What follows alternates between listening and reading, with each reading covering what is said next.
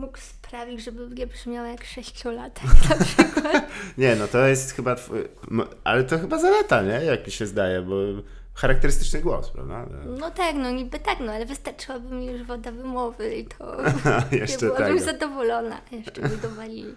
Nie, no to, to widzisz, to też historia o tym, żeby się nie przejmować przesadnie i e, e, popatrz, taki pan Łukasz Jakubak ma wadę mózgu, taką wyraźną i twardo, konsekwentnie realizuje swoje marzenia, robi No projekcję marzeń, poziom najwyższy. Ale e, ja o tym chciałem porozmawiać, chociaż to też jest trochę e, też tematyka, e, którą chciałem z, z tobą porozmawiać, bo Właśnie, czy jest też tak, że miałeś okazję porozmawiać z różnymi ludźmi, z, którzy reprezentują kino gatunkowe, tak zwane, prawda? Em, I czy, czy ci ludzie w sumie, jak, jak, dla nich to, jak dla nich wygląda rok 2020 w czasie rozmowy, promocji filmów, to czy oni już wiedzą, że o co chodzi tak naprawdę, już są świadomi, że trochę e, ten kult filmów e, klasy B i tak dalej, to jest już e, taka gra, w której oni uczestniczą w 100%, czy raczej jeszcze myślą, a, no oczywiście, że chcą ze mną porozmawiać i tak dalej. Czy to raczej jest już, już świadomość taka po obu stronach? E, no, to chyba zależy. Um, bo są aktorzy, którzy zdają sobie doskonale sprawę, że teraz e, ich e, druga jakby fala popularności wynika z nostalgii za latami 80. I oni e, też dobrze pamiętają, że w latach 90. nikt się nimi nie interesował. I, em, no i dość otwarcie e, mówią, no nie wiem, na przykład e, ostatnio rozmawiałam z Zachem Galliganem, który Mhm. E, grał główną rolę w Gremlinach i on właśnie bardzo chętnie mówił o tym, że em, ta nostalgia za latami 80. właściwie dała jego karierze drugie życie. Jak się spojrzy na jego filmografię, na to, w czym grał w latach 90., no to ewidentnie widać, że po tych Gremlinach i po tam, gabinecie figur woskowych niewiele właściwie się u niego działo. Są tacy, którzy idą w zaparte i, em, i nie chcą przyznać, że, e, że coś im się nie udało i że gdyby nie ta nostalgia, to nikt by o nich nie pamiętał. Nie wiem właściwie od czego to zależy. Niektórzy, y, niektórzy aktorzy zaskakują otwartością i chęcią jakby przyznawania się do tego, że coś nie wyszło, a inni właśnie budują sobie taką iluzję, którą w sumie trudno jest rozbić, no bo nie ma dobrego pytania wtedy, które można zadać. Tak, tak. To, ale to też dobrze, że wspomniałeś o aktorach, bo też e, wielokrotnie e, to są w większości ludzi, którzy kontynuują tę ścieżkę zawodową, ale e, już teraz nie pomnę nazwy dokumentu, który odnosił się do filmu Troll 2. E, Best Worst Movie Ever Made, albo chyba, chyba coś takiego. Tak, i, i tam opisuje zresztą Best Worst Movie, tak się nazywa. E, Opisuje um, no, dalsze losy aktorów tego filmu, który jest dosyć, trzeba przyznać, zaskakujący ze wszechmiar. O, o tym, jak on w ogóle doszedł do skutku, e, możemy za chwilę porozmawiać, ale tam ten em, człowiek, który wcielał się w, w, w rolę ojca rodziny, on trochę nie był do końca świadom, że jest, istnieje coś takiego jak, jak kultowy status, jak, jak właśnie to drugi obieg, że to wielo, te wieczory filmowe, podczas których ogląda się te słabe filmy. Em, I czy Twoim zdaniem to jest, e, to wynika z tego, że, że mm, jest taki moment w tym filmie, w którym on się jakby idzie na jakiś konwent, jeśli mi pamięć nie myli, i tak spogląda i widzi wszystkie osoby poprzebierane jako odrzuty z filmu, z filmu jakiegoś em, dosyć słabego, albo jak ci, co wygrali, ci Finowie, co wygrali Eurowizję tysiąc lat temu, Lordi. E, I on mówi, co ja tu robię? Jestem dentystą. E, I czy myślisz, że e, dla, że po prostu dla takiego, e, to był mniej więcej ten przełomowy czas, gdzieś tak lata 2000, kiedy ten, ten kult złego filmu już się stał tak na tyle mainstreamowy, że dla tych aktorów mogło to prze, przebić się tak, no, wygląda na to, że tak wygląda teraz życie, nie? I nie wiem, jakie było pytanie, zacząłem Ja, gadać. ja, ja właśnie też nie, ale, ale spróbuję, spróbuję Nie, ale przepraszam, to po prostu po kolei, bo czy jest różnica między człowiekiem, który zajmuje się tym zawodowo, a takim, który po latach odnajduje, e, że coś takiego e, miało taki skutek, e, e, właśnie jakiś taki rezonans wśród ludzi? Jak myślisz, czy, czy tam jest więcej świadomości, jeżeli to była dla ciebie taka przygoda jednorazowa, o gdzieś tam wystąpiłem, jakiś pomidor mnie zjadł, czy krzyczałem tam, że z- warzywa chcą Mhm. mnie zjeść, a potem e, zjadają ją, a potem mnie, a czy myślisz, że jak się jest aktorem, to jest gorzej, czy, czy lepiej? Myślę, że jest gorzej. Gorzej? Bo, y, znaczy tak sobie to wyobrażam, bo nigdy nie byłam aktorem i, i tak dalej, ale wydaje mi się, że jednak jesteś aktorem, no to cały czas czujesz presję. Nie podkładałeś go z gumisiek.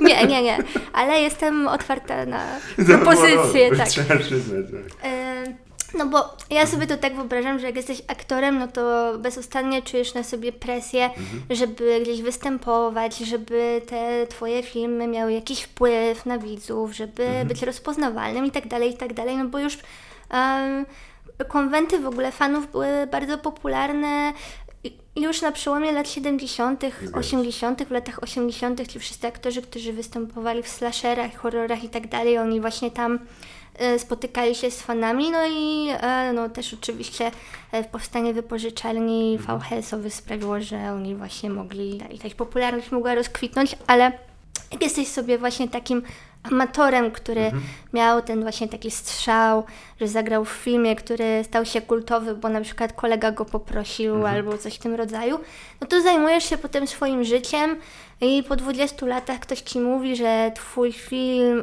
albo właściwie film, w którym przypadkowo wystąpiłeś, czy wystąpiłaś jest, jest bardzo popularny. Zgadza tak.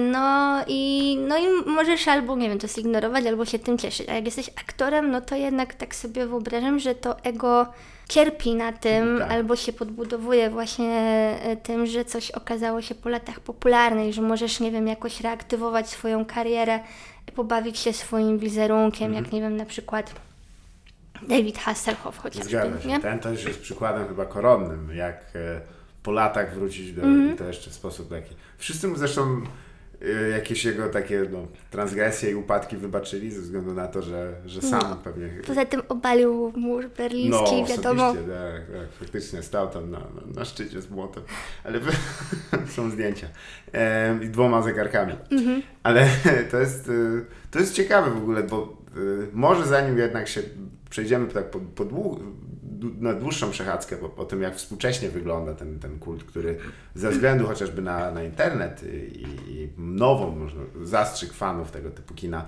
w, włącznie z tym, że no, film Disaster Artist był przebojem kinowym, a jest to film o filmie. E, dopiero niedawno miałem okazję to obejrzeć w ogóle. Nie mówię o The Room, bo to już tam w sumie od dawna. E, I to też jest ciekawa historia. Może zaczniemy od samego początku, bo em, chyba postacią, która zresztą też otrzymała bardzo e, duże e, i wielkie mm, e, no, taki pomoc w przyszłości był Ed Wood, który chyba, no, czy ty oglądałeś w ogóle jego filmy Eda Wooda kiedyś? To... Y, oglądałam, no to co każdy oglądał, czyli Plan 9 z kosmosu. Tak, i, i twoje zdanie, bo tak szczerze, bo ja wiem, czy to jest rzeczywiście najgorszy film, jaki oglądałaś? Ty? Nie, to nie jest najgorszy film, jaki oglądałam, ale to Mhm. też każdy ma swoje kryteria najgorszego filmu. Zgadza się. Bo, Ja ci powiem, że to był jeden z nudniejszych. Znaczy, no właśnie, on był po prostu strasznie nudny. Koszmarnie nic się tam Tak. nie działo. No. Był strasznie nudny i nawet to nie jest film, który się ogląda po to, żeby się pośmiać, tylko No jest nie, nie, nieudolny, Mhm. nic się nie dzieje i e, ludzie gdzieś stoją. tak. y, I wzbudza raczej obojętność niż jakiekolwiek inne emocje. No nie wiem, a jaki jest najgorszy film, jaki ty oglądałeś? To już naprawdę mam ciężko, e, żeby teraz stwierdzić. Myślę, że jestem w stanie e, obiektywnie powiedzieć, obejrzałem film, e, który zarobił najmniej w kinach w historii, e, chyba tam 15 dolarów. Z Nicolasem Cage'em? E, Nie, nie, nie, to bo, nie, który miał wide release. Chodzi Mhm. o film, który pojawił się w kinach. To kanadyjska taka amatorska produkcja, e, w której z jakiegoś powodu em, bracia Lumiere są chyba za, zakręci w, w taśmę celuloidową. E, Koszmar. Oglądałem dużo amatorskich filmów i, i chyba jakby najgorszym filmem na poziomie realizacyjno tym, jako, że to jest całość filmu, realizacyjny, montażu, aktorstwa, będzie film Suburban Sasquatch, mimo wszystko. Dalej jestem wielkim fanem, w szczególności e, wyboru, gdy e, te ścieżki dźwiękowej i tego, że ten dźwięk tego Suburban Sasquatcha, który przypomnę tutaj dla słuchaczy idzie jest przez cały film. cały film. To jest dwie godziny naprawdę oczyszczające. Pod koniec jest coś e, innym człowiekiem. I chyba jest najgorszy tak technicznie film. A ty jak miałbyś powiedzieć tak um, obiektywnie pod względem technicznym najgorszy, najgorszy film wykonany? Który się jednak znalazł w jakiejś formie dystrybucji. Bo, bo to, że tam się pojawi boom mic albo że, że, że montaż troszeczkę nie, od, nie oddaje sprawy, to oczywiście wy, wyłączając też e, internetowe twórcy, e, jakieś tam powiedzmy wyłącznie wydane filmy. Tak na... Ciężko jest mi powiedzieć, y, który film byłby najgorszy y, z tych wszystkich, które oglądałam, bo było tego strasznie dużo i wydaje mi się, że trochę mi się gust stępił. Po prostu Tak. już nie jestem w stanie... Paleta jest trochę Tak, już. tak, już trochę kolory się... To jakbym pytał koron, koronera, czy jaki był najgorszy wypadek przy tym. No, do, to jest dokładnie ta sytuacja, po prostu już Faktycznie. nie potrafię... y, Mhm. Nie potrafię nawet y, już czasami ocenić filmu, y, który obiektywnie wiem, że nie jest najlepszy, Mhm. ale coś tam mi się w nim podoba i jestem bliska stwierdzenia, że to najlepszy film, jaki oglądałam w życiu, więc no, ni- niestety Jest ta, jest ta granica jest dosyć e, skrzywiona już. trudna i to jestem. rzeczywiście, je- że dla kogoś, kto pierwszy raz podchodzi do tego, pamiętam jak właśnie tak przez e, e, moją czystą złośliwość zrobiliśmy seans filmu e, Santa Claus and the Easter Bunny, Mhm. e, który po prostu chyba wygląda, no mam nadzieję, że twórca tego filmu został skazany za e, Zbrodnie. nie, nie chodzi nawet o kinematografię, ale wszelkie prawdopodobieństwo, że jakieś dzieci ucierpiały w czasie tego Mhm. filmu, bo one musiały ciągnąć takie, na przykład jakiś chyba 8, może nawet mniejszy, 6-letni chłopiec tam ciągnie konia za uzdę, takiego wielkiego i tak wygląda bardzo, to jest film o świętym Mikołaju. Więc... Ale to, to chyba jest taki nowszy film. Nie, nie, to takie lata 80. w czasach, kiedy em, wszystko szło już na kasety i po prostu e, stwierdzono, że może być nawet 70. lata. C- wydali całą serię filmów, które były tak naprawdę inscenizacjami wystawianymi w e, parkach rozrywki. I dokładali do tego pseudo jakąś fabułę i to jest właśnie ten film, więc mamy, no jest to dość przerażające. E, Ja trafiłem na to, bo Mystery Science Theater e, 3000 mieli e, z tym swoją własną wersję. Właśnie może wróćmy jeszcze do tych czasów dawnych, bo no, złe filmy, załóżmy z początku kina lat 30., 40., po prostu były zakopywane. Nie były za bardzo nawet, e, nie było możliwości obejrzeć je w domu, więc ciężko, żeby też nabrały takiego statusu. To właściwie dopiero za pomocą em, no, telewizji i te, te kino lat 50., 60., kiedy zaczęto to trochę więcej produkować i to głównie dotyczyło filmu science fiction, prawda? Em, No tak.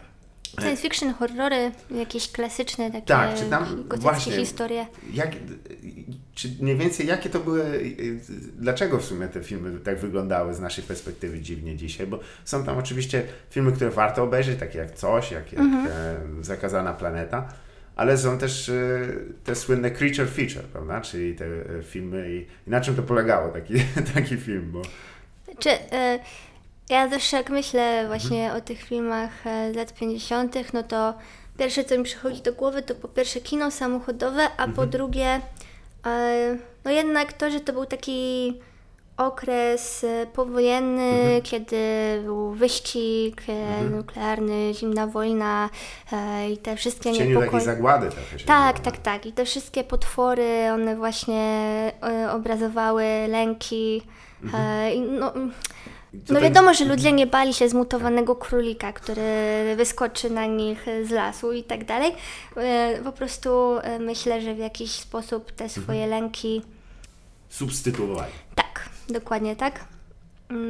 Ale to też wspomniałaś, że, że kino samochodowe, to, bo to jest raczej kompletnie nieznana instytucja w Polsce. To na czym to polegało? e, no to polegało na tym, że e, na Że samochody oglądają kino. E, tak, samo, samochód, ekran e, i tak dalej, żel na włosach, ale e, no, na początku właśnie e, filmy Ale powstawały. Właśnie zawsze mam pytanie, jak to technicznie działa? Bo jak jesteś w samochodzie, to tak nie słyszysz za dobrze tego, co jest przed tobą. A myślę, że akurat ci, którzy chodzili do A. kina samochodowego, nie chcieli aż tak bardzo oglądać To chyba nie filmu. chodziło o filmy jednak. Mogło nie chodzić do końca o, o Tak. film sam w sobie. No ale e, no, na, na początku jakby wielkie studia Mhm.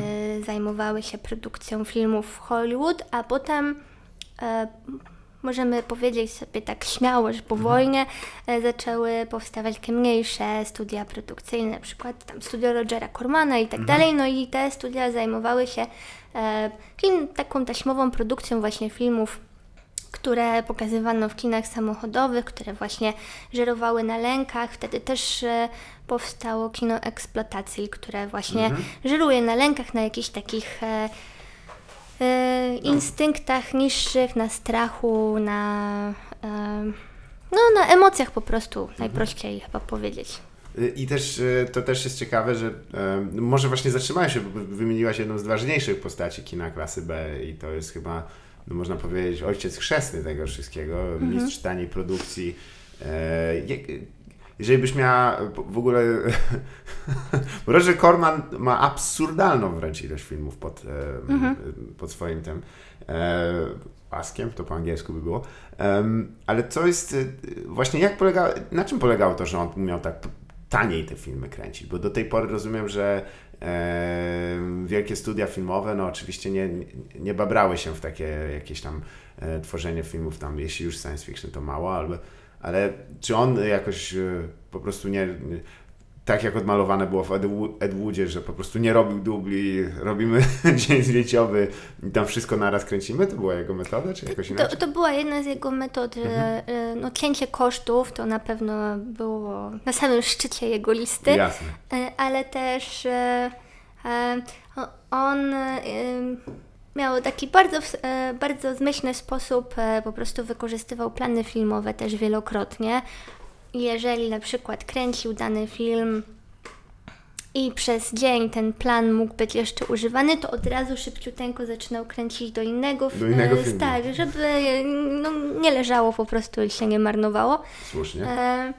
No i też, zwłaszcza w latach 80., wykorzystywał sceny z filmów już nakręcone e, w innych filmach. Także jak na przykład oglądasz sobie jakiś tam Barbarian Fantasy z lat 80., e, 10 filmów, które wyszły wtedy spod e, ręki Cormana, no to możesz rozpoznać sceny, które są używane w jednym filmie, i w drugim filmie, i w trzecim filmie. E, No i trochę cię rozczula to lenistwo, a trochę cię wkurza. No, zdecydowanie, choć też trzeba przyznać, że e, u pana Kormana e, debiuty swoje zaliczyło wielu e, wybitnych aktorów, a występowało praktycznie, praktycznie każdy chyba występował, Tak, kto miał każdy ma- związany z filmem gatunkowym. Każdy, każdy ma e, występ u Cormana na koncie, można powiedzieć. Niektórym to wyszło na korzyść na przykład Jackowi Nicholsonowi. Zgadza się, tak. To jest, to jest Robert De Niro też, e, z tego co pamiętam, Mhm. e, na samym początku kariery grał u Cormana.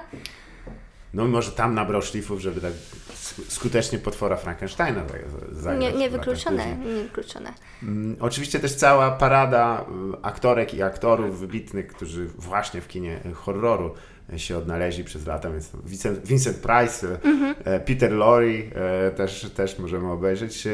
Niektórzy też twierdzą, nie wiem czy widziałaś kiedyś wywiad z, z, Rogerem Cormanem może? Oglądałam e, jakieś klipy, e, ale nie oglądałam jakoś Mhm. tak maniakalnie. Nie, nie, bo tylko chodzi o, o mm, wiele osób y, twierdzi, że jego największą zaletą y, i sposobem, w jaki przekonywał tych wszystkich osoby jest to, że on em, miał bardzo łagodny głos. E, bardzo potrafił, miał przekonująco przemawiać i że słuchaj, zrobimy to, teraz e, wiesz, jesteś przebrany za małpę, małpa wchodzi w tam. Każdy po prostu czuł taką magnetyczną od niego jakieś, trochę jak Stalin, który mówi cicho, żeby wszyscy się pochylili.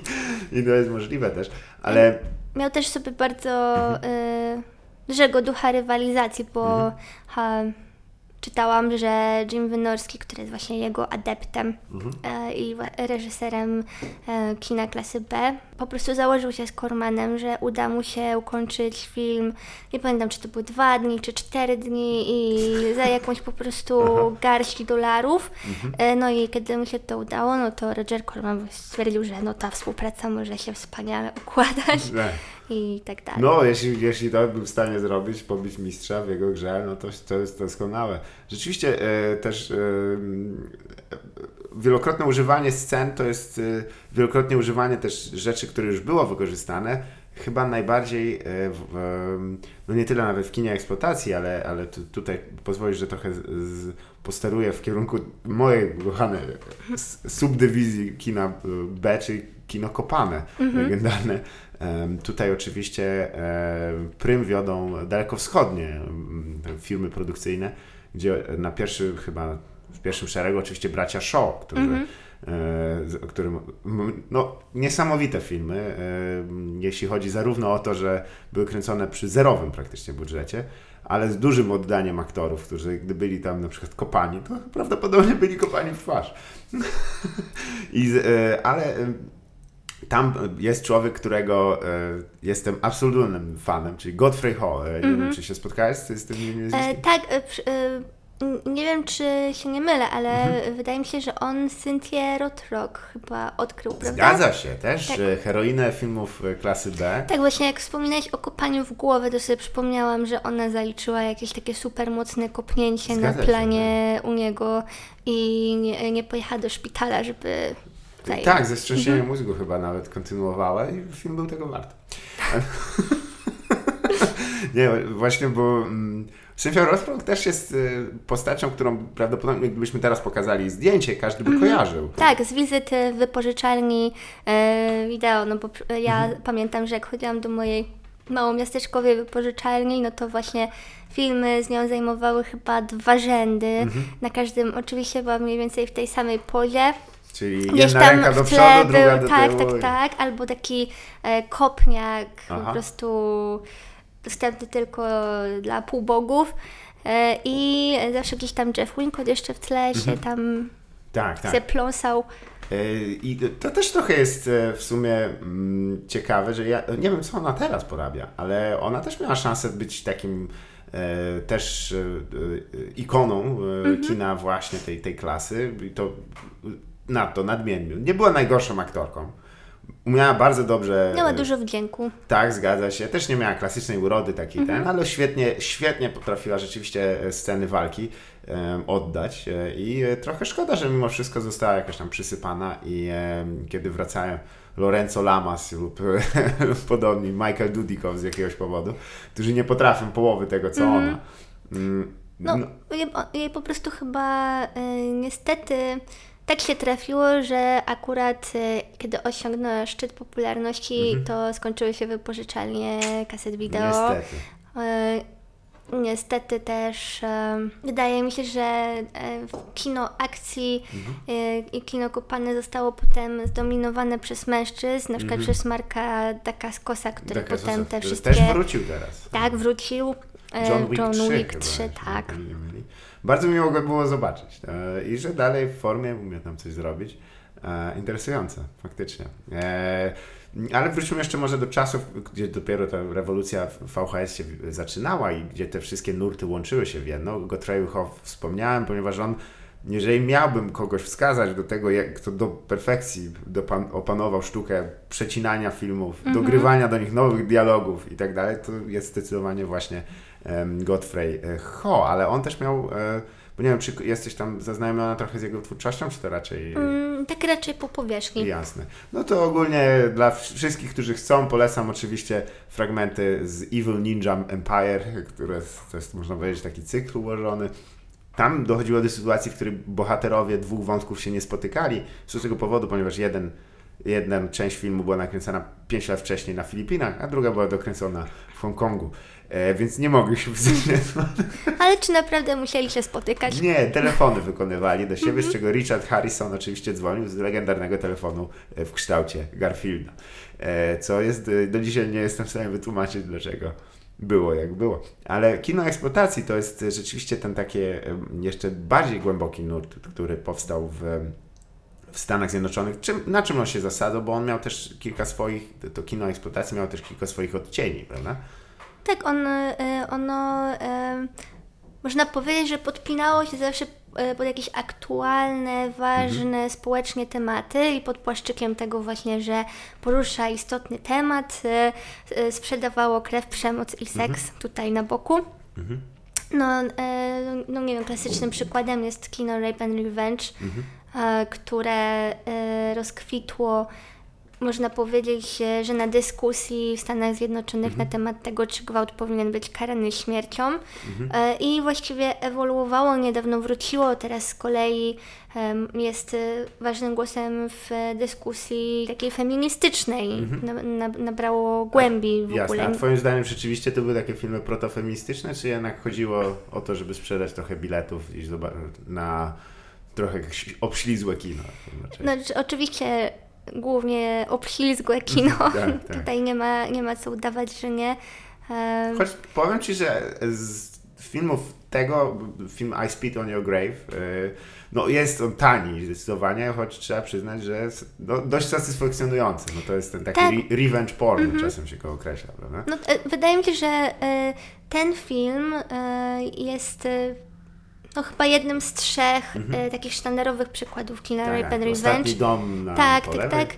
E, I jeszcze jest ten film Uwolnienie. Mhm.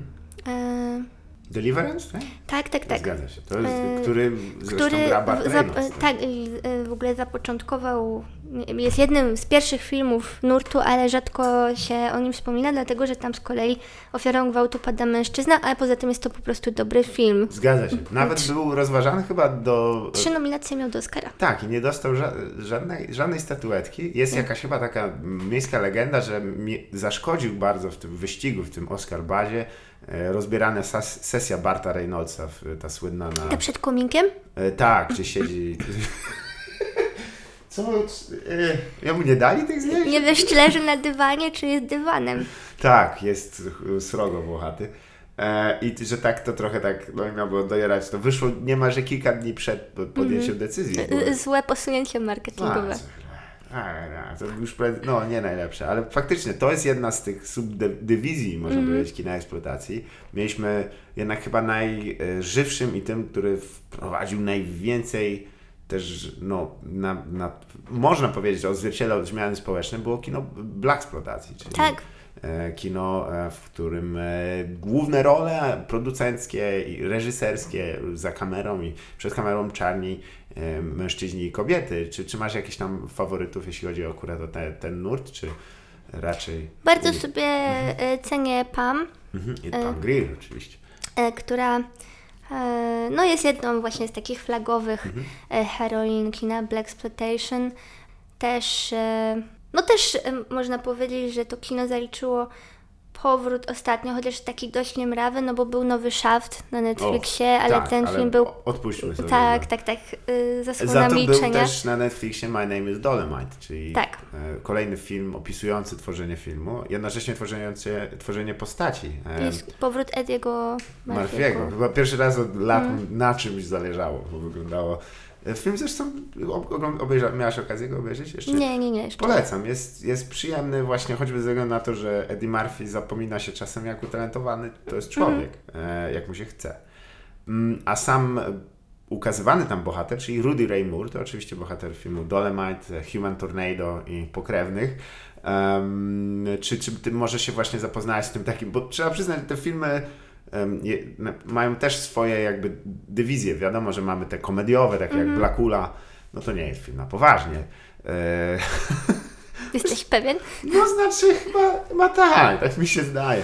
Były te filmy, które mają rzeczywiście pokazywać e, jakieś takie codzienne życie, takie jak na przykład Superfly e, ze świetną muzyką e, Curtisa Mayfielda, e, ale był też e, Shaft, prawda, mm -hmm. to też o którym wspomniałaś i i wszystkie te, te takie można połączone, czyli e, Black Belt Jones, jeden z ulubionych. No i jeszcze jeden e, film, którego nie mogę nazwy nawet powiedzieć, bo byłoby nie na miejscu.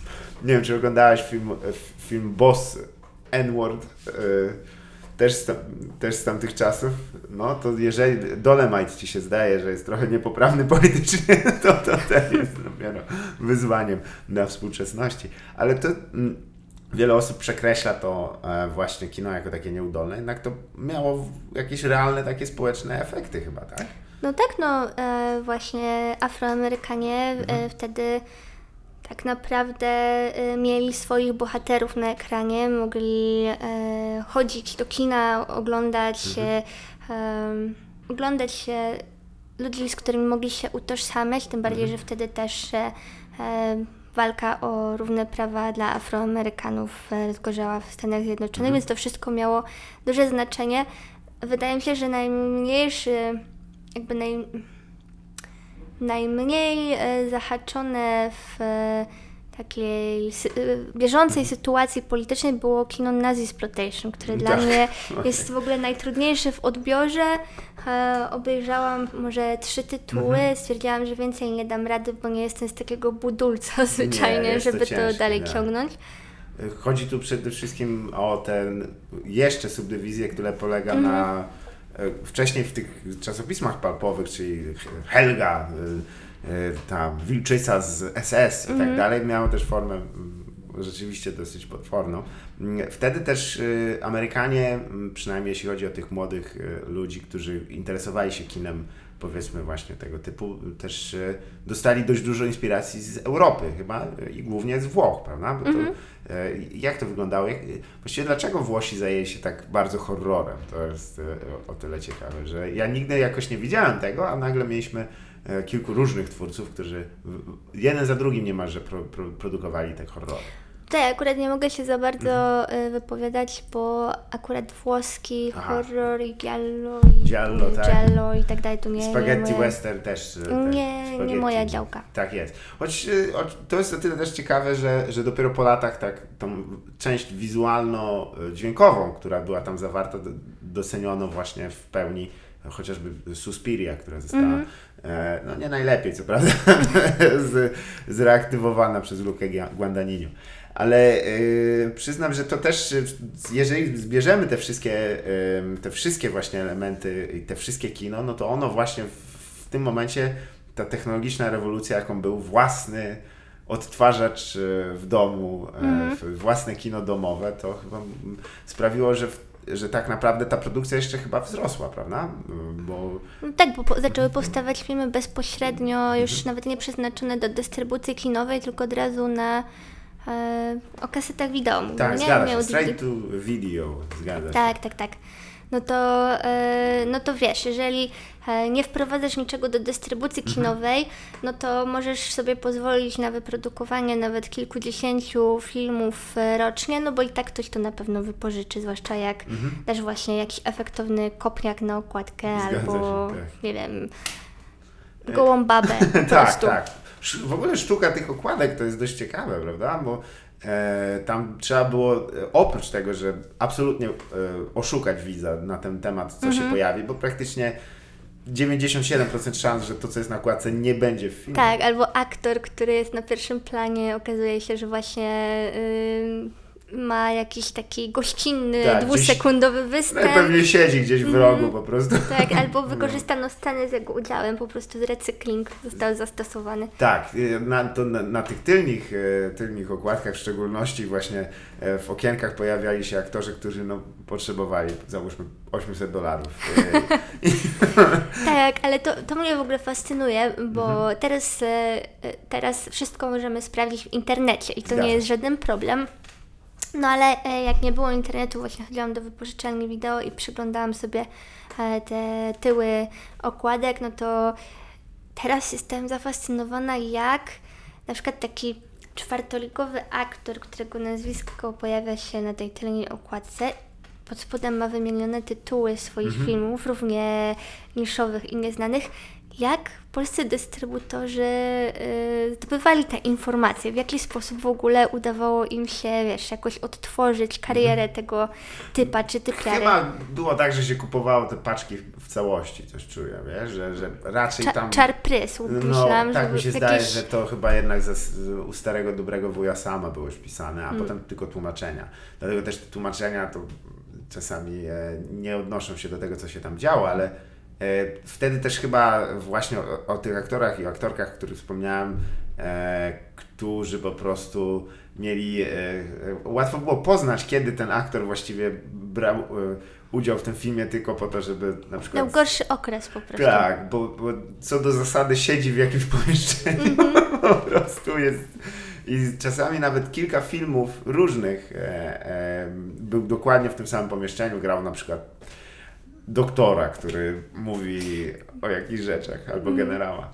E, I tutaj chyba e, też, oj, teraz mi z, pamięci wypadł e, aktor, który właściwie wraz z progresją lat coraz mniej stoi. Już, już hmm, jego na imię, nazwisko mi się wypadło mi z głowy, ale wspomniałeś o tym, o czymś, co tak naprawdę jest chyba w sercu tej, tej fascynacji takim kinem, ponieważ jak się w nim orientować w czasach, kiedy nie ma internetu? E, czy były jakieś magazyny, czy jakieś formy na przykład wy, wymieniania się jakąś e, opinią na ten temat, czy raczej tylko to, co się zasłyszało e, w wypożyczalni kaset od wszechwiedzącego pracownika, który z jakiegoś powodu zawsze miał przetłuszczone włosy i, i brudny Tak, i podkoszulek. zdradzał zakończenie filmu. Nie, to nie, zgadza się, tak. E, znaczy, wiadomo, że żadne źródło nie przebije pracownika wypożyczalni, Oczywiście. ale e, no były, były gazetki, Mhm. które teraz w ogóle osiągają jakieś niesamowite ceny.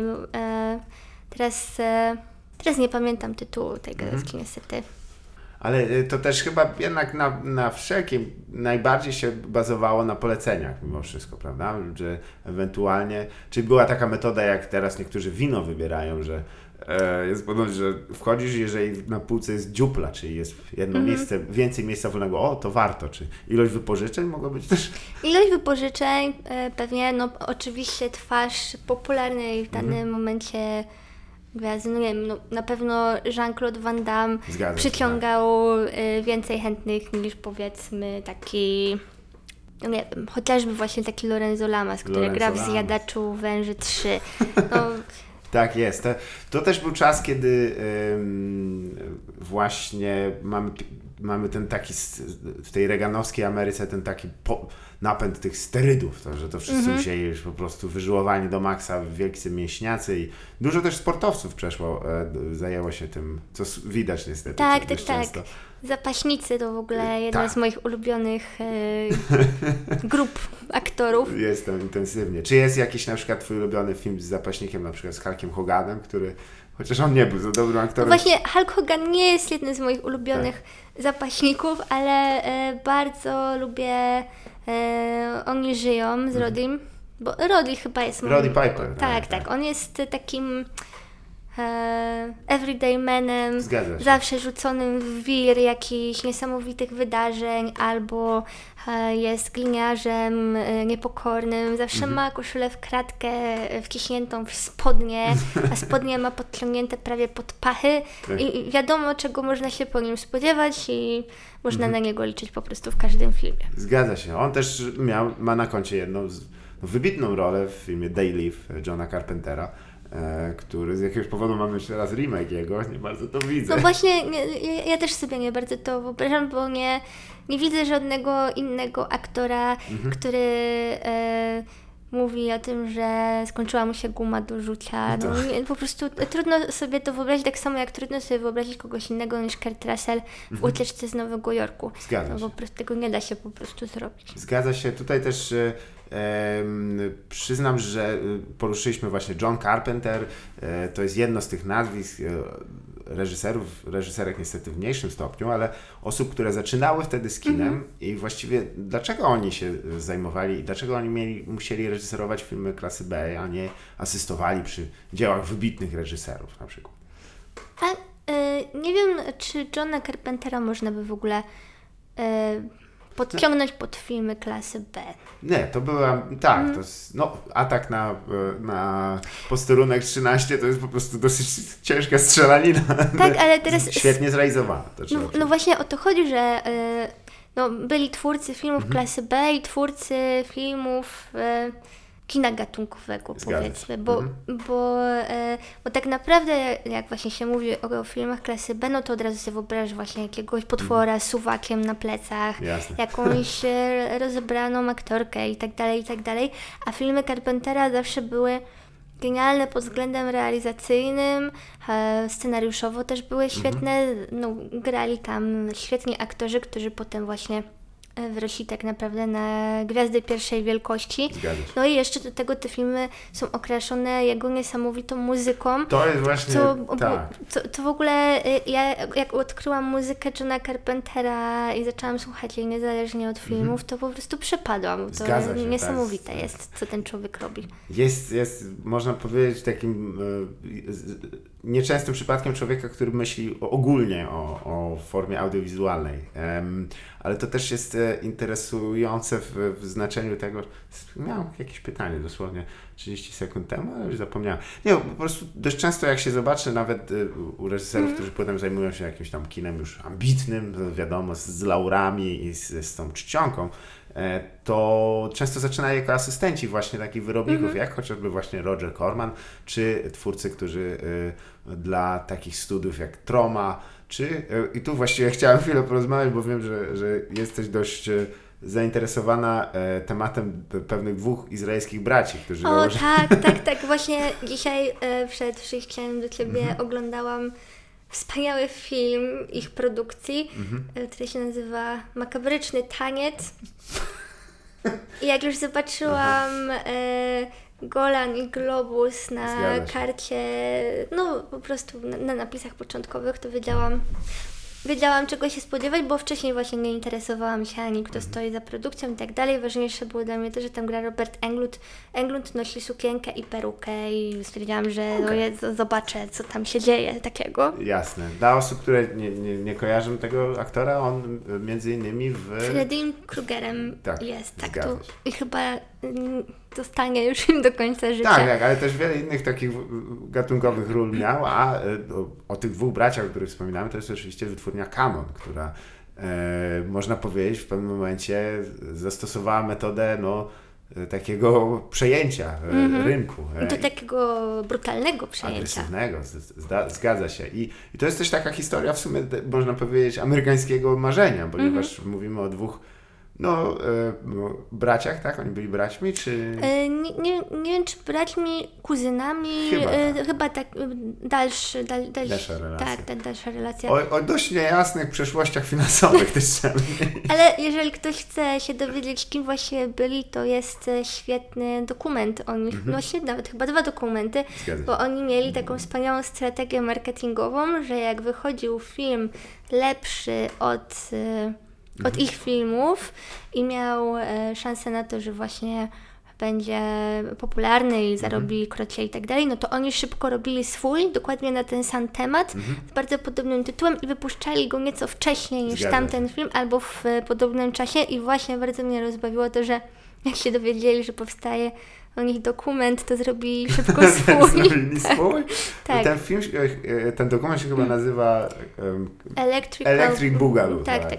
Ponieważ to jest e, legendarny... E, Electric Boogaloo to jest podtytuł chyba drugiej części filmu Tego o, bre, e, o, breakda- o breakdance, czekaj, jak to się nazywało? Teraz już przyznam, że nie pomnę. breaking?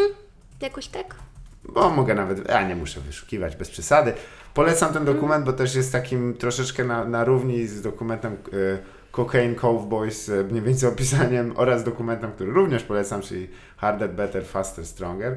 E, o tym, jak w bardzo e, Amerykach ś- środkowych i schyłkowych lat 80., jak bardzo to był kraj na sterydach, który właściwie już nie wiedział, kim jest. E, Ale to, o czym mówisz, to jest tak, czasami się przyjmuje takie sformułowanie, mock, e, że to są Tak. mockbustery. Tak, teraz e, wytwórnia Az- Asylum, Asylum. tak, Ale to zero klasy z ich strony, to są straszne Tak, no to produkcje. prawda, to, to nie przetrwa kolejnych 30 lat. Nie, nie da rady tego obejrzeć. Bo ko- kopalnie króla Solomona, Mhm. ja na przykład z dzieciństwa pamiętam, że to był fajny film po prostu do obejrzenia w niedzielę. Zgadza się. A e, dopiero kilka lat temu ogarnęłam, że to też kanona film i właściwie też powstał na tych samych zasadach. Po Tak. prostu miał e, trochę pożerować na popularności Indiana Jonesa i tyle. Zgadza się, a w sumie faktycznie, no zresztą oparty na, na, na książce. Hmm. Tak, tak, tak. e, Alan Quatermain chyba Dokładnie. i miasto coś tam, ale nie, nie chcę wymyślać. Nie, ale pamiętam. Tam, rzeczywiście, no i też, ale ich e, za, szerokość ich zainteresowań była pełna, można powiedzieć, taka postmodernistyczna, ponieważ mieliśmy wszystko Tak. tam. Nie bali się musicali, nie Mhm. bali się dramatów, nie bali się kina akcji, kina kopanego, a zresztą odkryli przecież Michaela Dudikoffa, W amerykańskiej ninja, tak, amerykański ninja. któremu obiecali, e, że będzie drugim Jamesem Deanem Uj, i niestety nie dowieźli. to dosyć smutne. Nie, nie powinno się takich obietnic składać, ale to... Obietnice bez pokrycia są zawsze Mhm. złe. Choć tutaj też trzeba przyznać, to też pierwsze te lata oraz oczywiście kolejne części i sequele e, tych slasherów, to też jest ta, e, to, że te, te, te serie filmowe, które się rozwinęły do e, takich e, absurdalnych e, e, rozmiarów. A, a którą, którą serię filmową właśnie, która już ma tam załóżmy dziewiątkę przy tytule Pomińmy litościwym milczeniem szybkich i wściekłych, bo to już szaleństwo, co się tam wyprawia, ale czy jakąś darzysz sympatią bardziej niż inną? Czy któraś się na przykład ma, jakiś, ma jakiś walor, mimo tego, że to jest, można rzec, już niemal serial filmowy? E, chyba najbardziej lubię Koszmar z ulicy Wiązów. Zgadza się. Dlatego, że mimo, że tam te czwarta, piąta i szósta część e, jednak e, no, no, to są bardzo chaotyczne, Tak. źle napisane, jakby trochę cienie oryginału tak naprawdę, to e, e, Nowy Koszmar, e, który był właściwie zwieńczeniem serii, strasznie mi się podobał i uważam, Jasne. że trochę nadrobił te straty, które Poza seria tym poniosła To wcześniej. też chyba taka trochę była komediowa seria już od pewnego momentu, co Tak, no niestety tam- dotknęło większość chyba tych filmów. prawda? Tak, no bo w, jeżeli e, robisz e, 11 czy 12 części, no to nie możesz traktować się do końca na serio. E, trzeba. No tak, no to, to jest taka reguła, że im dalej w las, to e, te serie stają się coraz bardziej komediowe, Mhm. coraz bardziej samoświadome i e, teksańska masakra piłą mechaniczną już chyba na drugiej części. Druga część już się... była komedią. Tak. Tak. już, znaczy nie tyle komedią, co taką no, farsą. Mhm. E, ciężko to inaczej nazwać, bo to jest pierwszy film. Do dzisiaj jest, no nie powiem, że przerażający, bo wszyscy znamy to imaginarium i raczej ciężko, ale wyobraź sobie, że jesteś w latach e, wydania tego filmu Mhm. i idziesz sobie właśnie gdzieś na, na pop, z popcornem i oglądasz to. Uff, uff. Mhm. Musiało być e, intensywne przeżycie. E, czy myślisz, że e, może zanim jeszcze do, do tych e, kontynuacji też e, wielokrotnych, wracających niczym sam Jason e, ponownie tych postaci, bo już nie da rady ich zabić. E, zatrzymajmy się jeszcze, ponieważ e, o, o, no, kuzyni stojący za, za firmą Canon trochę przeinwestowali chyba na to wszystko. Wygląda, że spodziewali się, że ten rynek będzie nieskończenie rosnął. R- rósł. Rosnął? I że Może. Dobra, poczekaj, to sobie zrobię. Żeby to wyciąć, tu musi być pasmo sukcesu. Nie, ale e, tak samo prawdopodobnie e, wszyscy, dużo osób, które jakoś finansowało kolejne części Krwawej Pięści, którą swoją drogą ma dziewięć Mhm. e, i we wszystkich grał jeden z moich ulubionych, niedocenianych aktorów. The Don, Dragon. Don the Dragon Wilson. Tutaj Ale oglądałam ostatnio właśnie dwie części e, tej wspaniałej serii. Mhm. E, oglądałam dlatego, że grała tam e, Kat Sasun. Mhm. E, I ona grała dwie różne postacie chyba w, w czwartej i szóstej części. Była dwoma zupełnie Tak. różnymi... Nie, bo tam te filmy nie mają jakiejś ciągłości przesadnej, Mhm. oprócz tego, że mniej więcej grają ci sami aktorzy. E, Wie, chyba w siódmej części nawet Richard Rantry, czyli Shaft e, się pojawił, po prostu gdzieś stał. Mhm. Może akurat przychodził prze, Bardzo przez spora plan. szansa, że był e, po prostu na planie w okolicy.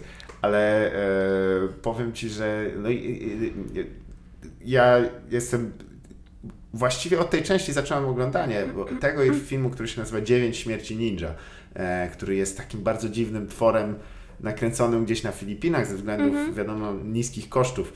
E, I tam chyba też powstał jakby, jeżeli mam powiedzieć, jeden z takich najbardziej dziwacznych filmów to jest film Robo Vampire. Nie wiem, czy Tak, widziałeś ten film? Uff, tam jest słynna scena pościgu, która... tak, tak, tak. Ale scena pościgu, scena pościgu, wytłumaczenie fabuły... Tak, tak, zdecydowanie te, te wampiry tam skaczące. Na przykład wytłumaczenie fabuły tego filmu. I jak myślisz, dlaczego takie filmy w ogóle ujrzały jednak światło dzienne? Czy nie lepiej było to wszystko wyrzucić gdzieś do śmieci? Spalić? No, żeby no jednak się nie... No ja wiem, że jakkolwiek dało nam to po latach satysfakcję, to czy jak... Co mu- musiało stać za takimi ludźmi, którzy stwierdzili, wydamy to mimo wszystko. Czy oni my- myślisz, że oni mieli już dosyć i po prostu chcieli, chcieli to przepchnąć? Mm, Myślę, że te- ten rynek był tak strasznie chłonny, że właściwie wszystko było w stanie przejść. No to jak stand-up w tym roku. Ale... No, dobrze, ale faktycznie chyba, bo po prostu rzeczywiście wypożyczalnie kaset były na każdym rogu, były, były wszędzie, każdy miał też magnetowid u siebie e, w domu. I kończąc tylko właśnie fragment o Donie e, Dragonie Wilson on się nazywał. Mój kolega, kiedy zaczęliśmy oglądać właśnie Krwawe Pięście, był przekonany, że on się nazywa Don De Wilson Dragon. że nazywa się Don Dragon, a Wilson to jest jego pseudonim. Biorąc pod uwagę e, jego ogólną wspaniałość, to równie dobrze mógłby się nazywać The Wilson. Tak jest, The Wilson nie przeszkodziło. On miał niesamowite włosy, to ja pamiętam, że... Tak, takie e, błyszczące. No, no, i, i taką szubę tych włosów, urany aż do, Ale do pleców. o, oglądałam, w ogóle próbowałam ostatnio umówić się właśnie z nim na wywiad, ale się nie udało. O. Y, I jak rozmawialiśmy o Cynthii Rozrok y, y, i tym, co ona teraz robi, no to ona właśnie z Donem kręci teraz takie filmy, już nie straight to video, tylko straight to VOD, bo to teraz jest kolejny rozdział Zgadza w, właśnie. w tej wspaniałej historii. I oni grają razem, tak jak no, często pojawiali się na ekranie kiedyś razem, tak teraz też jakby ciągną ten wózek. To bardzo miło, przyjaźń Tak, tak, bardzo, bardzo miło. Nie miałam okazji oglądać się, oglądać się żadnego z tych no, z nowszych filmów, bo trochę się bałam, szczerze mówiąc, Mhm. Tak. ale jak się zastanawiają niektórzy, co się dzieje u Smoka i u Centino, to właśnie No to jest okazja. wszystko w porządku. Na pewno. Nie, ale to też jest wzruszające, że, że mieliśmy wtedy do, do czynienia z. E, no rzeczywiście też e, ze względu na to, że z perspektywy czasu to wygląda jak takie drobne szaleństwo nawet miejscami, że, że Los Angeles było e, poryte niemalże e, we wszystkie strony kamerami każdy ktoś kręcił. Ten słynny e, wąwóz, który jest wykorzystywany chyba w setkach filmów, to musiał mieć, zapisy były wcześniej. Um, no i oczywiście ze względów właśnie takich, że tyle, że były jakieś problemy, powstawały takie kurioza jak Samurai Cop, w którym e, no, ze względu na to, że aktor prawdopodobnie zgolił włosy, to musiał biegać w najgorszej chyba peruce, jaką widziałem w historii. Um, I ja też mam jedno pytanie, czy miałeś okazję obejrzeć taki, bo to jest też mój, mój faworyt, e, film e, Miami Connection e, może. Tak, Andy Sidaris, to, Mhm. to mówisz o tych filmach BBB, tak? E, Mhm. Andego Sidarisa, on zrobił e, Hard Ticket to, to Hawaii. Wiesz co, Miami Connection to jest chyba bardziej taki vanity project y, pewnego e, instruktora taekwondo, e, który chciał nakręcić się koniecznie film o tym, jak przybył do Ameryki i właśnie razem z grupą studentów e, takich. e, I właśnie to jest też taki jakby, nazwałbym subdywizją też tych filmów, czyli zagraniczni twórcy, którzy niewiele wiedzą o Stanach Zjednoczonych i kręcą arcyamerykańskie filmy. Tutaj właśnie e, twórca e, filmu Troll 2 e, nic nie wiedział o Stanach Zjednoczonych, my Ale zrobił, zrobił. tak jest. Jego zdaniem e, tak się zachowywali ludzie właśnie w Stanach Zjednoczonych. Te, te sceny z tego dokumentu, kiedy, kiedy ta aktorka, która grała tą um, córkę Creed, rodziny. a, córkę. Myślałam, że mówisz o Credence, A moi nie, nie. ulubienicy z Trolla. Oj, tam jest, tam też jest wesoło. Ale ona mówi, że właśnie ten włoski e, reżyser tak mówił, że o, przecież tak się wszyscy w Stanach zachowują, oni Mhm. nie wiedzieli o co mu chodzi. Podobnie zresztą właśnie w przypadku e, filmu Miami Connection. e, pokaż, Jasne, już Ci pokażę jak to... zobaczyć, o czym gadamy. Już, już. Jasne, no. Tutaj mamy pomoc techniczną. Miami Connection to jest... E, o, tutaj... E, Teraz niedawno, o, jest ten słynny, słynny plakat. To jest oryginalna zresztą okładka, trzeba przyznać, bardzo, bardzo elegancka. I to jest taki jakby projekt e, człowieka, który miał prawdopodobnie... E, I to te, też dość często się zdarzało, prawda, że mieliśmy e, ktoś na przykład... Miał kamerę, e, trochę pieniędzy i siebie obsadzał oczywiście w głównej roli jakiegoś tam świetnego, e, świetnego e, geniusza. I to powoli już tam pomijając bardzo, że w pewnym momencie no niestety sprzedaż i wypożyczalnie kaset zaczęły padać, prawda? One jakby zostały wy, wy... Z czego to wynikało właściwie? Że czy to, bo to nie, nie zgrywa się tak linie, linearnie, że nagle o, wkroczył internet, kasety idą na śmieci, prawda? Wszyscy mają DVD. No, E, ch- najpierw chyba chyba właśnie płyty DVD, e, znaczy chyba na pewno tak. sprawiły, że, e, że wypożyczalnie musiały się od, cofnąć na barykady. Bo, e, pamiętam, że właśnie moja wypożyczalnia u, ulubiona na początku właśnie świetnie się wpisała w te zmiany, no bo e, kasety wideo zostały zepchnięte na tyły, a potem e, właśnie wszędzie z przodu były płyty DVD. A potem płyty DVD zaczęły się robić coraz tańsze w sklepach. Każdy mógł sobie kupić swój ulubiony film za 3 albo 4 dyszki. Teraz może kupić za 5 zł, więc to już w ogóle jest. No i nie, nie zapomnijmy, szaleństwo. że w Polsce piractwo też jest, było Tak. niewiarygodne. To, No, tak, tak, tak. W każdej szkole był człowiek, który miał e, segregator z płytami. Zgadza się, tak, zdecydowanie. Czy ty też tak, jakby, bo to w tym momencie wchodzi, do tej pory w sumie mówiliśmy o rzeczach, które nie mieliśmy okazji obejrzeć za pierwszym Mhm. razem, ale a jaki był taki, w sumie jeśli twoje pierwsze wspomnienie filmowe jakieś? Pamiętasz może jaki film, który... E, Willow. Willow z e, Warwickiem Davisem. Tak, i z Valem Kilmerem Tak. kochałam się bardzo w Madmartiganie i wierzyłam, że jesteśmy sobie przeznaczeni. E, to właśnie Willow Mhm. i... E, Dlatego, do, dlatego do teraz z niskimi, zarośniętymi facetami się tak, tak, właśnie, e, właśnie, właśnie dlatego. To by się zgadzało. Ale e, wiesz, że teraz na Disney Plus będzie serial. Tak, właśnie, e, Trochę z obawą e, czekam na to, ale też myślę, bo Willow e, miały już kontynuacje powieściowe, e, które nie były wydane w Polsce, były wydane w Stanach i właśnie opowiadały o dalszych losach e, Elory Danan, i o tym, jak włada swoim królestwem i tak dalej, więc jeżeli pójdą w tę stronę i po prostu zekranizują spoko materiał, który mają już od wielu lat, no to fajnie. Jasne. A jeśli będą właśnie e, jakieś chocki klocki wymyślać, no to No tu jestem pełna niepokoju. faktycznie. Warwick Davis jest też ważną postacią w sumie dla, dla kina e, właśnie ogólnie, Mhm. bo, bo on też miał, on chyba zaczął bardzo wcześnie z kinem. Tak? Tak, on e, w, e, w Gwiezdnych Wojnach e, wystąpił, nie pamiętam ile dokładnie miał lat, no ale był... Nastolatkiem I, tak, tak, tak, ale takim wczesnym nastolatkiem. Zgadza Mogło być 11 albo 13. E, No i też rozmawialiśmy o seriach, o, o horrorach, które się właśnie przeciągnęły w jakąś śmieszną serię. No on e, grał w Karle. Leprekaunie. Tak. tak, tak. Tak. Chyba tak jest tłumaczone, nie- ale nie jestem pewien. No właśnie, ja też nie jestem... Jest leprechaun. chyba Tak? Jest, tak, jako... No teraz na pewno, ale, ale nie wiem czy kiedyś. To, to chodzi o to, rzeczywiście o tę postać taką Mhm, tak, to bardzo ir, stereotypowego irlandzkiego, tak, skrzeta.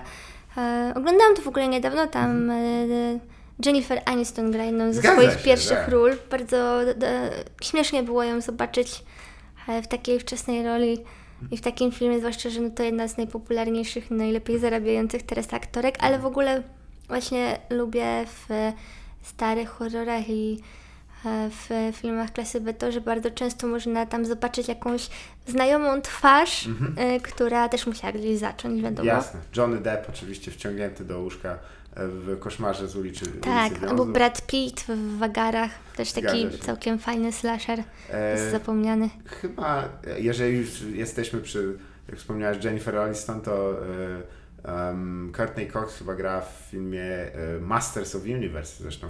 Tak, tak, tak. I to jedną z e, głównych ról. Mhm. Ale film bardzo dziwny, bo to jest oczywiście niby He-Man, ale były problemy z Mattelem, więc są Masters of Universe i to się dzieje w New Jersey. E, o, rany. Ale e, przynajmniej e, szkieletor Tak, wypadł Frank Langella zresztą tak. ponoć bawił się świetnie. No, Co prawda nakładali mu szalony make-up, ale po prostu wydzierał się. Ale nie było go widać, więc nie musiał się niczym przejmować. Ja go bardzo lubię w Wyspie Piratów, Mhm. która jest w ogóle moim zdaniem jednym z tych filmów niesłusznie oskarżonym o to, że jest zły. Tak. E, co prawda to tam... On też kosztował. on zatopił w ogóle e, wytwórnię, Mhm. e, chyba wytwórnia Korolko to była, Jasne. tak przynajmniej mi się wydaje, ale nie jestem pewna. E, Czy to nie było też tak, że producent y, albo reżyser był y, wówczas jakby romantycznie zaangażowany? był mężem Ginny Davis. Davis tak. Tak, oni zrobili razem jeszcze Długi Pocałunek na dobranoc. Bardzo dobry film. Bardzo również. dobry film.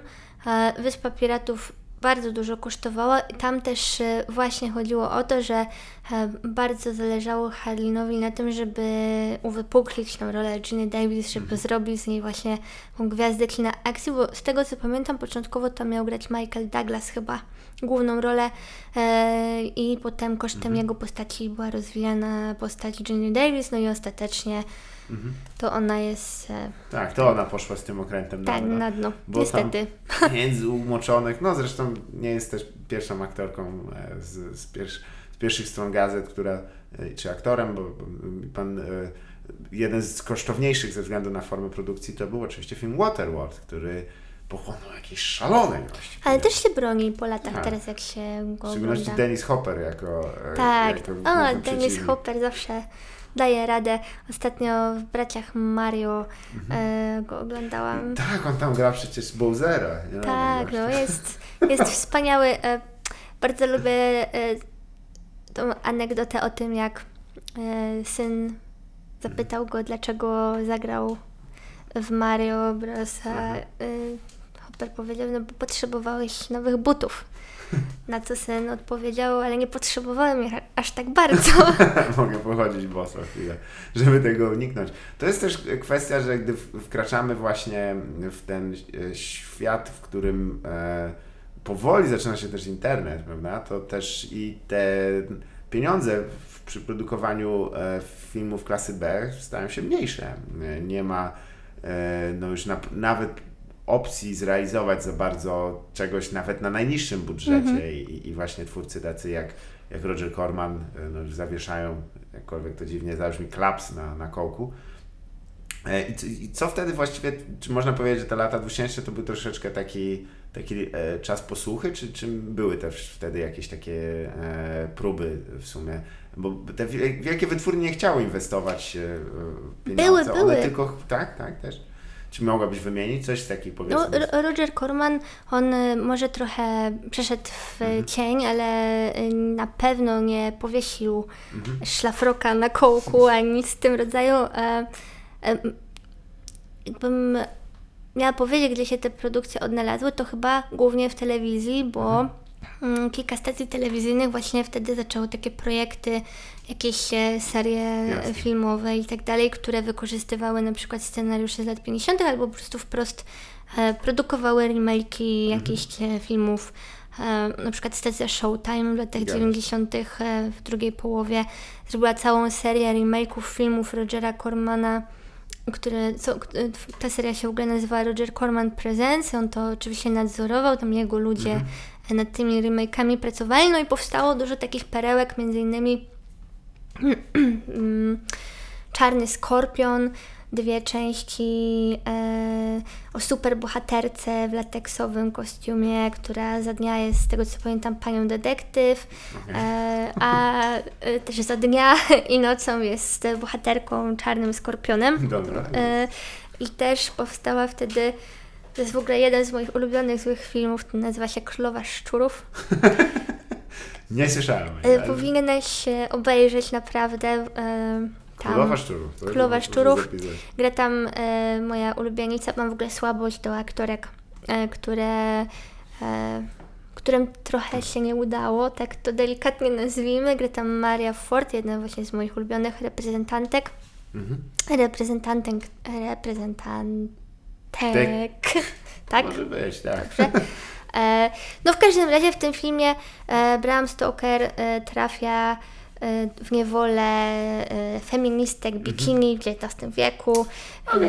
No i jest, jest to naprawdę wspaniałe. Jasne. I tu też można powiedzieć, że zaczyna się też e, ze względu na to, że załóżmy, jeżeli bierzemy takich reżyserów nowej fali, jak tam jak Spielberg, Coppola, którzy byli wychowywani na e, i tego ki- kina nowej, nowej akcji. E, oni wszyscy byli właśnie na tych serialach, na, na wczesnych latach 50. Wycho- wychowani i wiadomo, że w tych swoich twórczości emulowali te wszystkie filmy, właśnie Indiana Jones, e, e, Gwiezdne Wojny i, i pokrewne, to czy można mówić, że lata 2000 to jest właśnie już powoli, że twórcy i twórczynie, którzy wychowali się na kinie właśnie tym takim kasetowym, zaczęli e, dochodzić do takich momentów, gdzie te ich inspiracje przychodziły. E, i, chyba takim najciekawszą koneksją jest, nie wiem, czy, czy jesteś e, e, zaznajomiona z twórczością Jamesa Gana, e, który jest między innymi twórcą Strażników Galaktyki, ale on zaczynał właśnie jako asystent na filmach e, Tromy. E, Czy, czy możemy w ogóle wyjaśnić, co to jest Troma, bo to jest już, trzeba przyznać, to jest osobne nawet, wiem, że trochę się cofamy tutaj chronologicznie, ale osobna, osobna kategoria filmów chyba nawet można powiedzieć, prawda? Bo one były absurdalnie brutalne i absurdalnie obrzydliwie. też. I absurdalnie tanie. Tak, tak, tak, robione za grosze. I tam chyba, jak się nazywał ten e, główny reżyser e, trąby? E, Kau- Kaufman? Tak, Lloyd Kaufman, tak. Czy miałeś okazję może z nim porozmawiać? Bo... E, nie, nie, nie. Jak e, był tutaj w Warszawie, e, to akurat nie mogłam pójść do kinoteki, ale też jakoś filmy, tromy e, tak bardzo mnie nie, nie fascynują. Obejrzałam takie sztandarowe, wiem o co chodzi i tak dalej, ale jakoś nie czuję tego kina. Strasznie mnie męczy w ogóle. Aha, rozumiem, bo no ono jest trochę rozkrzyczane, to trzeba przyznać. Ale to, to teraz już jakby o Twoich e, zainteresowaniach, bo ka- każdy ma swoje. Ja na, na przykład dla mnie e, produkcją nie ma, że idealną jest, jest film z lat 2000, który się nazywa Black Dynamite. To jest e, idealnym połączeniem po prostu miłości do tych czasów, ale też zrozumieniem, że miały swoje doskonałości. A takim idealnie negatywnym przedstawieniem tego były filmy, e, film na przykład Machete e, lub tak powiem, ogólnie kino Tarantino, nie jestem wielkim fanem. A czy, co tego, co Ciebie pociągnęło w ogóle? Co, co Cię zafa- za- zafascynowało w tym kinie? Czy to był jakiś taki stopniowy proces, czy myślisz, że, że już był jakiś taki moment przełomowy? To był chyba stopniowy proces. e, Bardziej interesowali mnie ludzie zawsze, który, którzy stali za tymi filmami, głównie e, właśnie obsada aktorska. I zaczęło się chyba od tego, że interesowało mnie, w czym jeszcze grali. A to wiadomo, jest studnia bez dna. Jak się tam wejdzie, to już po prostu się nie Tak, wychodzi.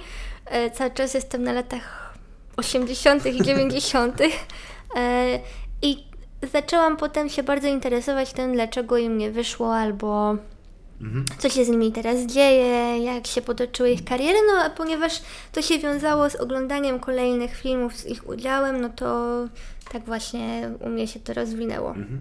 E, I czy spośród tych osób, e, tych aktorek, aktorku, e, aktorków, Aktorku. aktorków, to tacy, no mówię, Warwick No Davis tak, to te mniej no. znamienici. Nie, nie, to ci o niskorośli po prostu. Aktorkowie, wiesz. Warwick Davis właśnie. E, nie, aktorek, aktorów i twórców. E, miałaś, miałaś okazję porozmawiać, kto, kto Cię najbardziej zaskoczył, że właściwie ma też takie interesujące podejście do s- własnej twórczości i też e, coś, czego się nie spodziewałaś w ogóle w tej rozmowie. Najbardziej chyba mnie zaskoczył Lorenzo Lamas, Tak. o którym już rozmawialiśmy, e, dlatego że on był zaskakująco otwarty, Mhm. e, chciał rozmawiać w ogóle sam, chciał rozmawiać o tym, dlaczego mu coś nie wyszło, dlaczego jego kariera potoczyła się e, właśnie tak, że gra w kolejnych częściach Rekinado. Mm. E, i jest pilotem helikoptera. I właśnie zaskoczył mnie tą otwartością, bo nie spodziewałam się po nim tego, że będzie chciał sobie sam robić taką właśnie wiwisekcję. E, z, To ciekawe w sumie, że. No, ale to też chyba wynika z tego, że E, no chyba jak, jak uczciwie spojrzysz na to, co, co się dzieje, to tak ciężko uciec. Mm, Tutaj właśnie wspomniałeś o pewnym filmie i też chciałem Cię dopytać, e, bo mm, często się też próbuje rozróżnić e, takie powiedzmy złe kino, które jest e, tak złe, że aż dobre. I e, załóżmy, że tutaj jest oczywiście jakiś tam przykład właśnie wspomnianego Samurai Kopa, który no, oglądasz z wielką radością, bo to jest dość dziwacznie nakręcony film. E, od kina, które z zamysłem ma być złe i przez to jest złe. I tutaj właśnie ta seria Sharknado e, chyba mi się najbardziej nasuwa na myśl, e, bo ona nie jest... E, przyznam, że obejrzałem tak z, z obowiązku dwa odcinki. Miałaś okazję obejrzeć Sharknado? E, tak, tak, oglądałam chyba cztery albo O, rany, pięć. Mocno. Polepsza się? Zawzięłam się. E, nie, właśnie robi się coraz bardziej chaotyczne, coraz bardziej męczące. Akurat z tą serią jest niestety taki problem, że to, co w pierwszej, w pierwszej części się tak nie narzucało i to był po prostu zły film. Mhm. Potem niestety jak producenci, twórcy wyczuli, że to się podoba i że można właśnie pobawić się konwencją, Mhm. to zaczęli po prostu na minutę organizować tam tyle nawiązań do różnych Mhm. filmów, że stało się to niestrawne, przynajmniej dla mnie. I nawet to, że właśnie można tam zobaczyć jakichś aktorów e, zapomnianych, No, okej. nawet to mnie nie, nie, nie jest w stanie już do tej serii przyciągnąć. E, To jest właśnie też przykład tego, że no jest tam jakiś taki, mogę go nazwać chyba cynicznym zamysł, żeby Mhm. to było złe. A, a czy nie zdaje Ci się, że właśnie te filmy pokroju właśnie Troll 2 czy, czy, czy Dzień Śmieci Ninja, one były jednak na miarę możliwości, oczywiście też nie w pełni, ale czasem realizowane, że tak, nie, ja spróbuję Mhm. to zrobić kompetentnie, prawda? No właśnie to jest najbardziej rozczulające w tych e, filmach, że one są złe, ale tak są złe, ale nikt nie planował tego, żeby były Tak, złe. I to jest właśnie takie rozczulające, że tam widać tą pracę umysłową twórców, że widać, że tam się naprawdę ostro zastanawiali, jak zrobić tego potwora, tak żeby nie wyglądał żenująco, ale i tak wychodzi żenująco. To, to, to jest właśnie, myślę, jedna z tych rzeczy, które ratuje w ogóle te filmy od zapomnienia, że tam jest taka szczera radość tworzenia i entuzjazm widać w każdym kadrze, a kiedy to e, robi się takie bardzo obliczone i wyrachowane, no to wtedy e, też nie masz przyjemności z oglądania, bo nie, e, nie wiem, no każdy albo prawie każdy kiedyś, nie wiem, nakręcił jakiś filmik ze znajomymi i oglądając właśnie te takie produkcje czwartej klasy, czy siódmej nawet, nie wiem, możesz jakoś się, się utożsamiać z tymi twórcami, że wyobrażasz sobie właśnie tych znajomych, którzy tam główkują, jak coś Tak. zrobić i tak dalej, wypychają po prostu koleżanki, żeby też tam występowały, a tutaj masz po prostu taką bezduszność i to się, nie, to się nie ogląda po prostu. Nie, faktycznie. I, i to też mnie e, za, zaprowadzi, bo wspomniałem o tych, że często te, te filmy to były takie vanity project pewnych osób, czasami takie nawet dość e, z powodów e, obślizłych, ale e, chyba mm, film, który nie dość mocno jest w Polsce rozreklamowany, czyli Birdemic Shock and Terror. E, Miałaś okazję obejrzeć? Fragmentami nie dałam rady Jest dość uciągnąć do całości. Całościowo jest.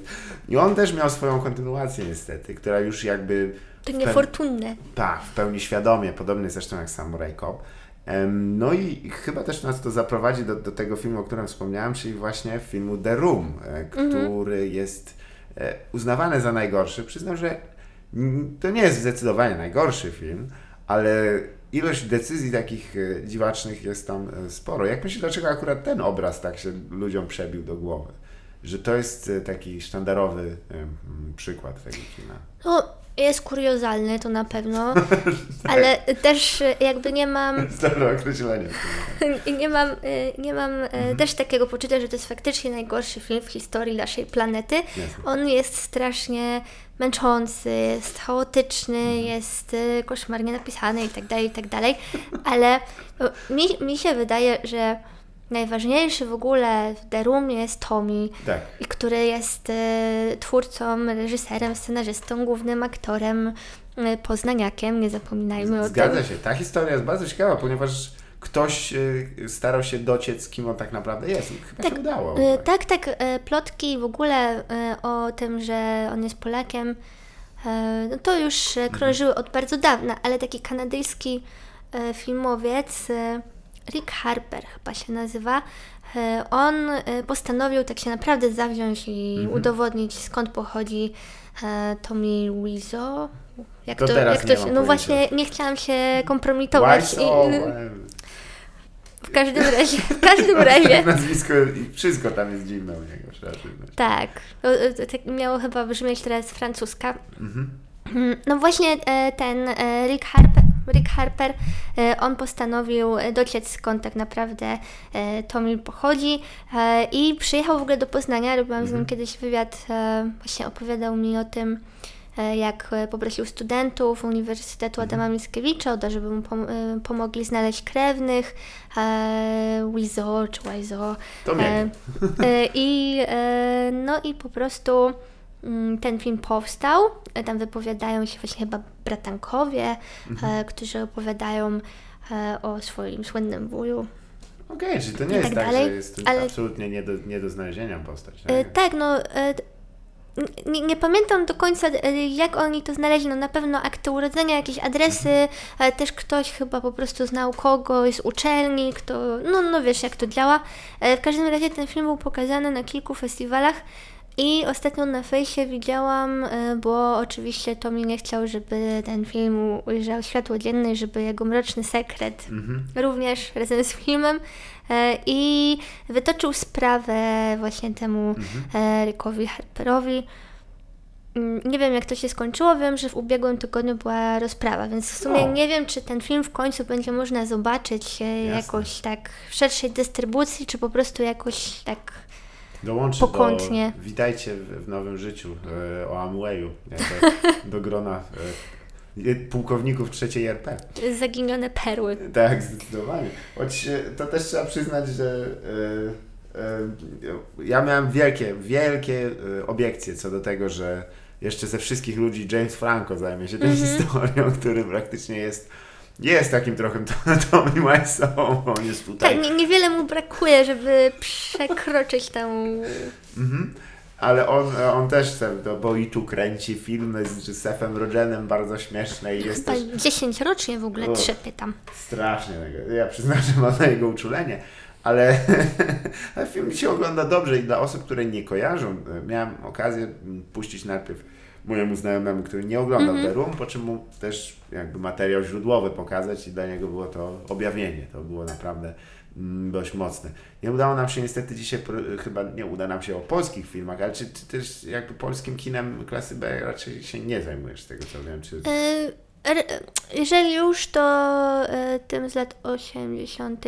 Marek Piestrak i E, tak. Klątwa Doliny Węży legendarna, która ma bardzo zły, złą reputację, ale no jakby na miarę tego, co się, co było, można było zrobić. Tak, to całkiem imponujące jest. Zgadza się. A no. Wilczyca wydaje mi się, że jest po prostu spoko filmem. Zgadza się, no zwłaszcza, że na polskim rynku posłucha Mhm. horrorowa jest absurdalna. No teraz właśnie będzie ten nowy e, horror chyba z Julią Wieniawą. Okej. nie mogę się doczekać. Jakiś Kiedy taki- jest premiera, to wiem, gdzie nie będę. E, nie, ale e, faktycznie kino gatunkowe w Polsce nie ma, nie ma szczęścia. Jest, jest dość trudne do zrealizowania. Nie wiem właściwie dlaczego. Może chodzi też o to, że od razu wszyscy rwą się do produkowania smutnych dramatów o, o tym, jak O transformacji. tak, jak konik kulasek się, wiesz, wciąga na hałdę węgla trumnę Mhm. ojca. E, jak to lubię określać, i, i wieje wiatr i pada deszcz.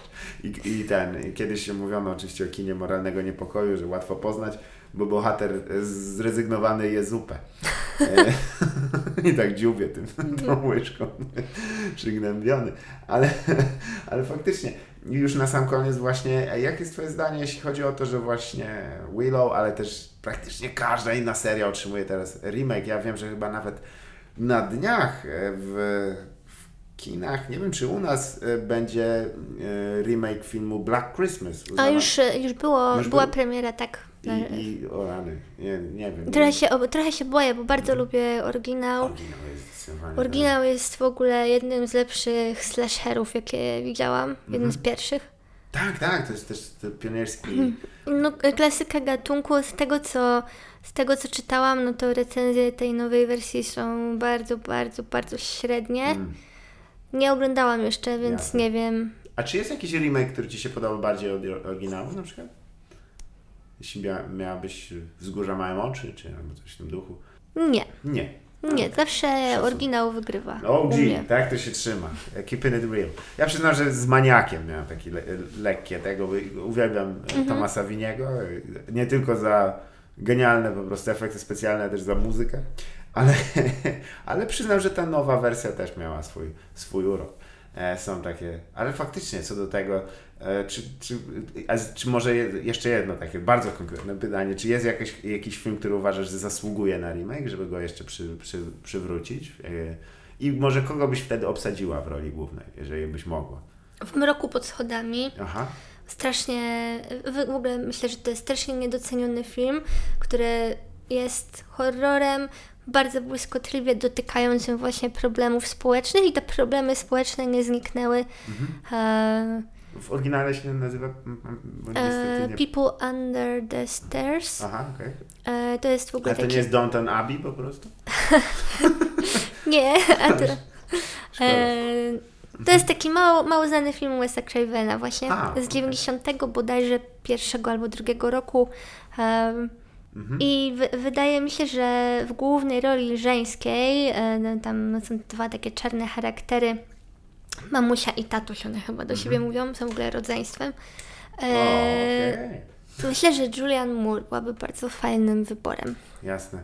No widzicie, no to reżyserzy na telefon, ale faktycznie taki, no to mam nadzieję, że w ogóle uda mi się wypisać chociaż część tego, o czym dzisiaj mówiliśmy, bo mieliśmy tych, tych filmów było wymienione trochę, ale tak się spodziewałem. Nie? Gratuluję wiedzy, bo, bo jest imponująca. E, czy, a teraz pozwolisz, że trochę wyskoczę. Sorry, przegadaliśmy po, po, po półtorej godziny o filmach. Tak, tak to jest. No niestety. E, Ale to wyskoczę, bo to też jest zwyczajem tej, tej, tych rozmów, że jeżeli jesteś w stanie mm, polecić może jakąś lekturę ludziom, którzy słuchają e, naszą audycję, e, audycja, Jezu, już zamieniła się w, je, w jesienną gawędę, em, książkę, która może być powiązana z filmami, w ogóle nie musi, coś, co w ostatnich e, miesiącach Ci się spodobało, rzuciło przed oczy i byś mogła polecić, e, albo coś, co nawet z, dalszej przyszłości e, w tym momencie przychodzi na myśl. Czytałam ostatnio fajną powieść e, e, post-apo. E, to był w sumie kryminał post-apo, ale musiałabym sprawdzić tytuł, Jasne. bo nie pamiętam, zawsze zapominam, czy to są ocaleni. Ocaleni, czekaj, dzięki, dzięki.